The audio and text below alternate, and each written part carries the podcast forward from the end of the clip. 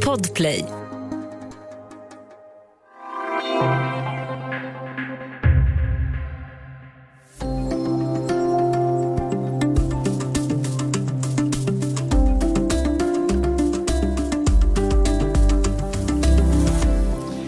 Snart är det dags för Mello, Melodifestival igen. Men i år är nästan ingenting som det brukar. Det blir ingen publik, ingen turné. Både artister och medarbetare har restriktioner på grund av risk för smittspridning. Festivalgeneralen Christer Björkman, han ska avgå. Men det här krisartade läget kanske samtidigt är en möjlighet till förnyelse. Och blir det i så fall tillräckligt många nyheter för att lite fler ska vilja titta på Mello? Det här är Studio DN och jag heter Aminata Grutt.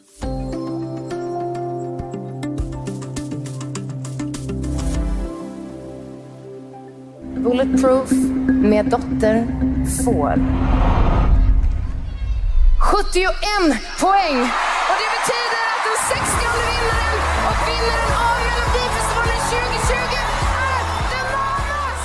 Ja, så här lät det förra året när The Mamas vann Melodifestivalen i Sverige och sen fick de aldrig åka till finalen för den ställdes in på grund av coronaläget.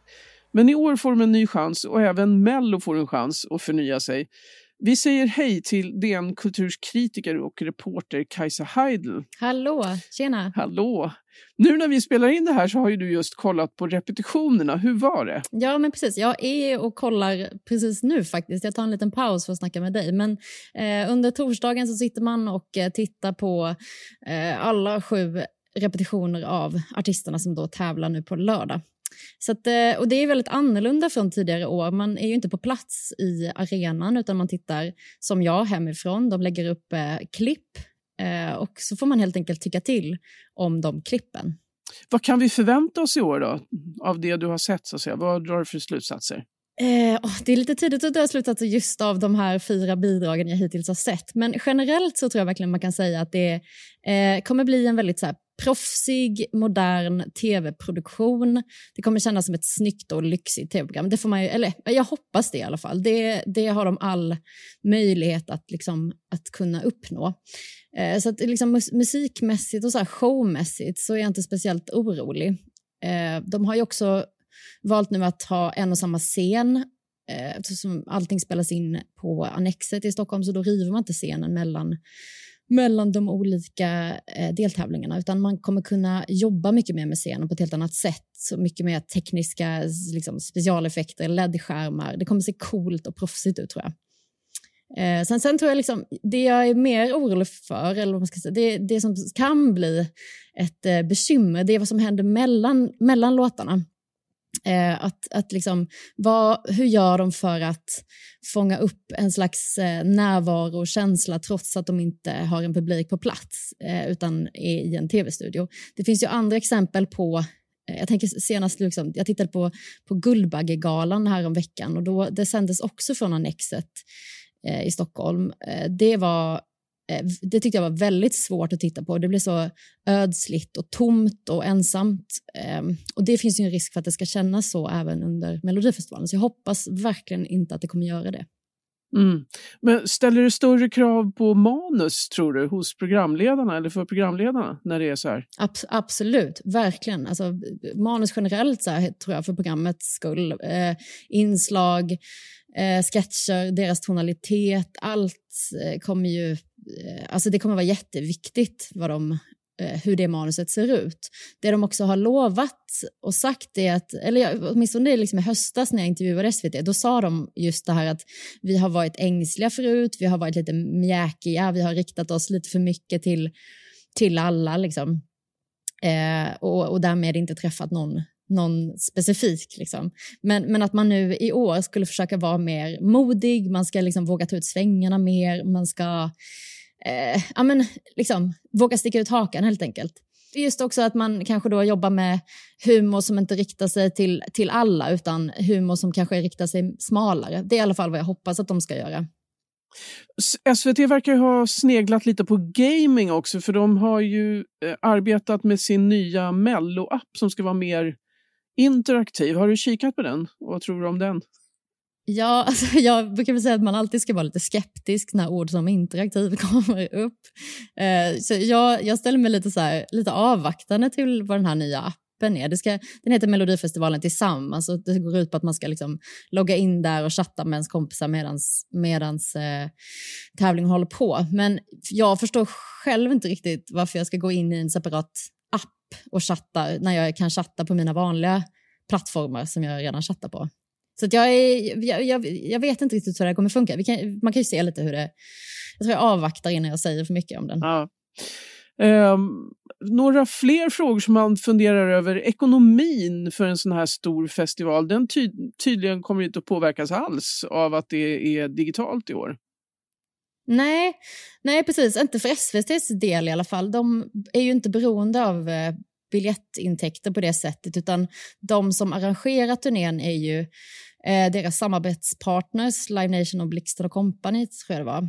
Eh, och de står för den här turnén tillsammans med de olika värdstäderna. Så, att, så att det kommer vara samma budget för SVT Eh, det är det sagt. Däremot så, hade, alltså, däremot så hade man ju önskat en turné för typ Live Nations överlevnads skull som ju har ju det väldigt tufft ekonomiskt och så med alla inställda konserter. Så det här är ju någonting som drabbar främst deras samarbetspartners och inte SVT. Mm.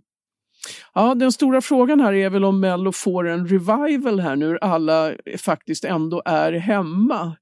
Eh, mm. Vad tror du? Ja, men jag tror verkligen det. Eller det är mycket som pekar, pekar åt det i alla fall. Eh, det var ju, eh, alltså Kalle Anka på julafton slog ju rekord, eh, tittarrekord med, jag tror det var en miljon extra tittare. Alltså det är liksom så här enormt rekord. Eh, och även under hösten så har det varit så här tittarstorm på, på broadcast-tv. Och, och, nu kommer liksom Mello i, i den pissigaste vintermånaden av dem alla. Eh, och så har ju pandemilagen sett till så att vi inte kan gå ut och göra någonting annat på helgerna. Och man är väldigt trött tror jag på att titta på ännu en Netflix-serie. Så att, jag tror att det här är, alltså de, de lyckas tajma sin, eh, Melodifestivalen lyckas verkligen eh, tajma sin eh, comeback, eller man ska säga. Det, det är... Eh, jag tror att alla går runt nu och letar efter, längtar efter eh, fest, eh, live-dramatik och eh, lägerelds-tv. Så att de har eh, stora möjligheter att faktiskt eh, få in en helt annan och helt ny typ av publik. Mm.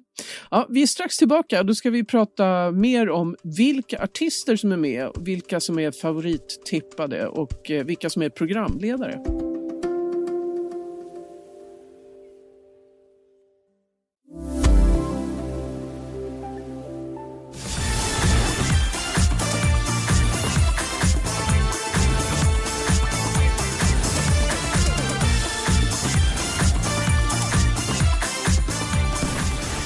Ja, vi pratar Melodifestival idag med DN Kulturs kritiker och reporter Kajsa Heidel. 2020 var första gången som, sen starten 1956 som det inte blev någon Eurovision, alltså det vill säga en gemensam eh, final för alla länder som har Melodifestival. Och i år blir det ingen publik. Eh, The Mamas får en ny chans i år dock. Hur går det för dem tror du? Eh, ja, det är väl en jättebra fråga faktiskt. Jag tror inte man ska underskatta dem alls. Eh, det är också väldigt spännande att se att både ettan och tvåan, alltså både The Mamas och eh, Dotter, eh, är med i, i år igen. Det är lite ovanligt eh, att se både ettan och tvåan med så här tätt eh, liksom, redan nästa år. Jag tycker att det vore, vore, så otroligt sjukt om det blev en duell mellan Dotter och The Mamas i, eh, i final, precis som det blev förra året när The Mamas vann med en, eh, en enda poäng.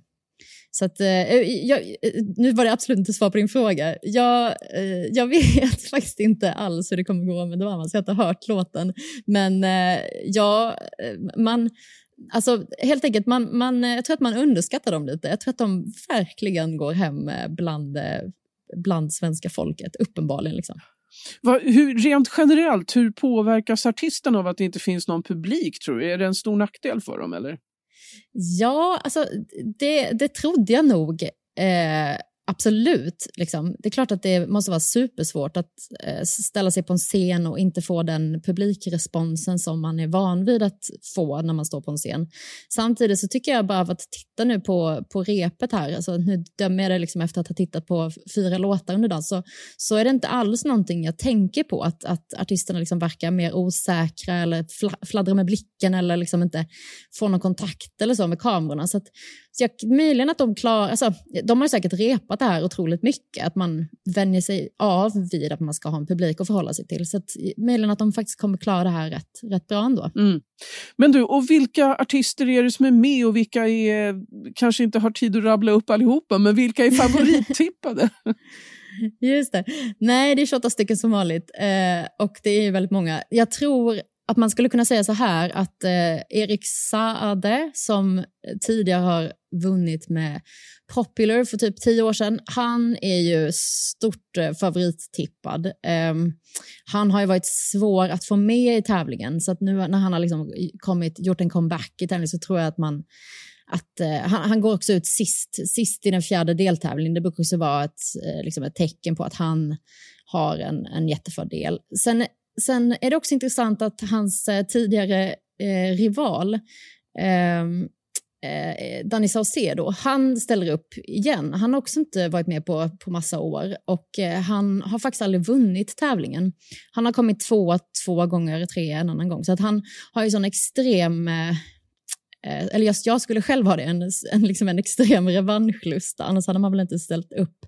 Sen tycker jag att det är ganska spännande att han ställer upp med en låt på svenska som heter Dandy dansar. Och med en sån typ av låt så, så förstår jag inte riktigt liksom hur man tänker att man ska ta hem hela hela finalen med, med en sån låttitel. Eh, det är ju väldigt sällan eh, svenska låtar faktiskt eh, vinner Eh, vinna en final. Så att jag vet inte riktigt hur han har tänkt där. Eh, samtidigt så tycker jag när jag har hört låten så verkar den, eh, alltså det, den kan nog gå långt, den kan nog gå hem. Det är ungefär liksom modern, mogen soul på svenska kan man, kan man förklara. Så väldigt långt ifrån hans, hans eh, tidigare låtbidrag som han har tävlat med i, i tävlingen. Eh, men det här var bara Erik Sade och eh, Danny Saucedo, så två snubbar. Så, så att, och sen kom ju Dotter vara med i år igen. Hon blev ju tvåa och förlorade liksom där på, på mållinjen. Eh, så hon är nog också eh, ett, ett hot, ska man säga, eller, och även då The Mamas. Sen eh, finns en liten uppstickare också som heter Tusse. Från Idol? Exakt, från Idol. Som, eh, väldigt, som har, ligger väldigt bra till. Jag tittade liksom precis på oddsen här och han ligger väl femma eller så just nu. Så, att, så att, uh, han ska nog också kunna... Den låten har jag inte hört än, så jag ingen aning. Men det kan, uh, det kan nog... Det bådar gott. Mm. Det är fler från Idol som är med också, eller hur?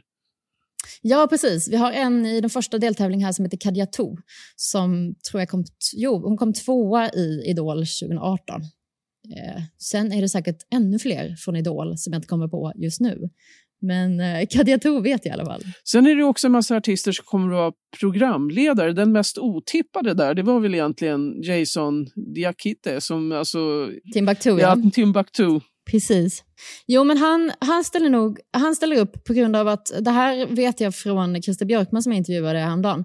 Han berättade att eh, han, när han fick veta, eller när han tackade ja till att programleda eh, Melodifestivalen så, så skrev han ner namn som, som har påverkat honom eller som har påverkat festivalen på olika sätt. Eh, och programmet då. Och då skrev han ner Jason på grund av att Jason är en person som alltid har tackat nej till att ställa upp i tävlingen och det har varit ett stort misslyckande för Christer Björkman som alltid har velat ha med honom i tävlingen. Så att nu har han åtminstone lyckats få honom att tacka ja till att programleda. Jag tror att de kommer prata om det här i, i, i den deltävlingen där de programleder. Så det, det är faktiskt en deltävling jag ser fram emot. Ja, jag också. Jag ligger närmast Jason av alla, av alla programledare, rent liksom musik, musik vad, jag, vad jag själv lyssnar på till vardags. Liksom. Mm. Ja, du, du nämnde Christer Björkman här också. Det är ju en fråga också. Vem ska ta över när han lämnar? Han går väl inte i pension förstås, men ändå. Nej, precis. Han går inte i pension. Han är ju bara 63, så han ska satsa på, eh, på nya, nya projekt. Eh, och det blir Karin Gunnarsson som redan har tagit över. Hon har ju varit, eh, fest, eh, hon har varit producent nu i, i flera år. Eh, så att nu är det den, liksom, den officiella överlämningen att nu är det Karin som fortsätter och Christer eh, hoppar över till, eh, till ett annat projekt det, han, han ska ju göra, det här kanske du har hört, han ska göra American Song Contest. Ja. Alltså Eurovision för alla delstater i USA. Just det. Ja, det är ju ett enormt projekt. Men om, om vi... Jag tycker det är så kul att, att man vid 63 års ålder sätter igång med ett sånt projekt. Det, det känns... Eh... Ja, men det är helt Spännande. rätt tycker jag. Ja, ja. men eh, om vi talar om Sverige då, då kommer hennes eh, nya, eller hennes nya roll då, då innebära att det blir någon förändring eller är det liksom samma hjulspår som tidigare? Ja, du menar Karin, Karin Gunnarsson? Ja. Precis. Eh, ja, jag tror inte att det bara är Karin som sätter prägel på, på tävlingen, men absolut. Jag tror att det finns ett sånt ypperligt tillfälle eh, nu det här året, eller framförallt då eh, med start nästa år, att man verkligen gör om tävlingen. Man river det som har varit och ser det här som en möjlighet att, att uh, göra någonting nytt, titta på formatet. Ska man ha fyra deltävlingar? Ska man ha en andra chansen? Kan man tajta till det? Uh, måste det turneras? Och så vidare. Alltså den typen av frågor utgår jag ifrån att SVT verkligen sitter och arbetar med just nu. För att det program så som, så som det har sett ut under 20 års tid, det har ju faktiskt inte förändrats särskilt mycket alls på 20 års tid. Det är ju dags att uh, att verkligen eh, eh, ja, få liksom en ny start. Ja. Ja, man skulle ju hoppa, eller man hoppas ju någonstans att Mello skulle kunna bli något alla vill se. Ja, precis. Sen är det ju tyvärr väldigt många som vill se det, men sen har ju alla också en åsikt om det. Man tittar, men man verkar, man verkar hata det på samma gång. Det, det är en kul, eh, kul kombo, så har det alltid varit. Eh, årets tävling inleds eh, lördag 6 februari och finalen hålls 13 mars. Eh, totalt sex program, är det stämmer det? Yes, precis. Ja. Och vad ser du mest fram emot? Jag ser fram emot finalen såklart och se vem vi skickar till Eurovision. För nu blir det ju Eurovision i år, så det, det har de ju också utlovat. Så jag, jag, jag, jag ser liksom, eller den här, apropå det vi pratade om precis, att, att eh, ska det vara fyra deltävlingar, ska det vara ett andra chansen, måste man dra ut på det så jäkla mycket. Jag längtar till när, när liksom de bästa bidragen har vaskats fram och det blir spänning på riktigt i, i själva finalen och den tror jag kommer bli, eh, ja, men det kommer bli extremt spännande i år för det är väldigt många bra, bra medverkanden. Yes, ja, men vi ser fram emot 13 mars alltså. Ja, tack så jättemycket Kajsa Heidel. Tack, tack. Hej. Studio DN görs för Podplay av producent Sabina Marmelakai, exekutiv producent Augustin Erba, ljudtekniker Patrik Miesenberger, teknik Jonas Lindskog Bauer Media och jag som heter Aminata Grutt.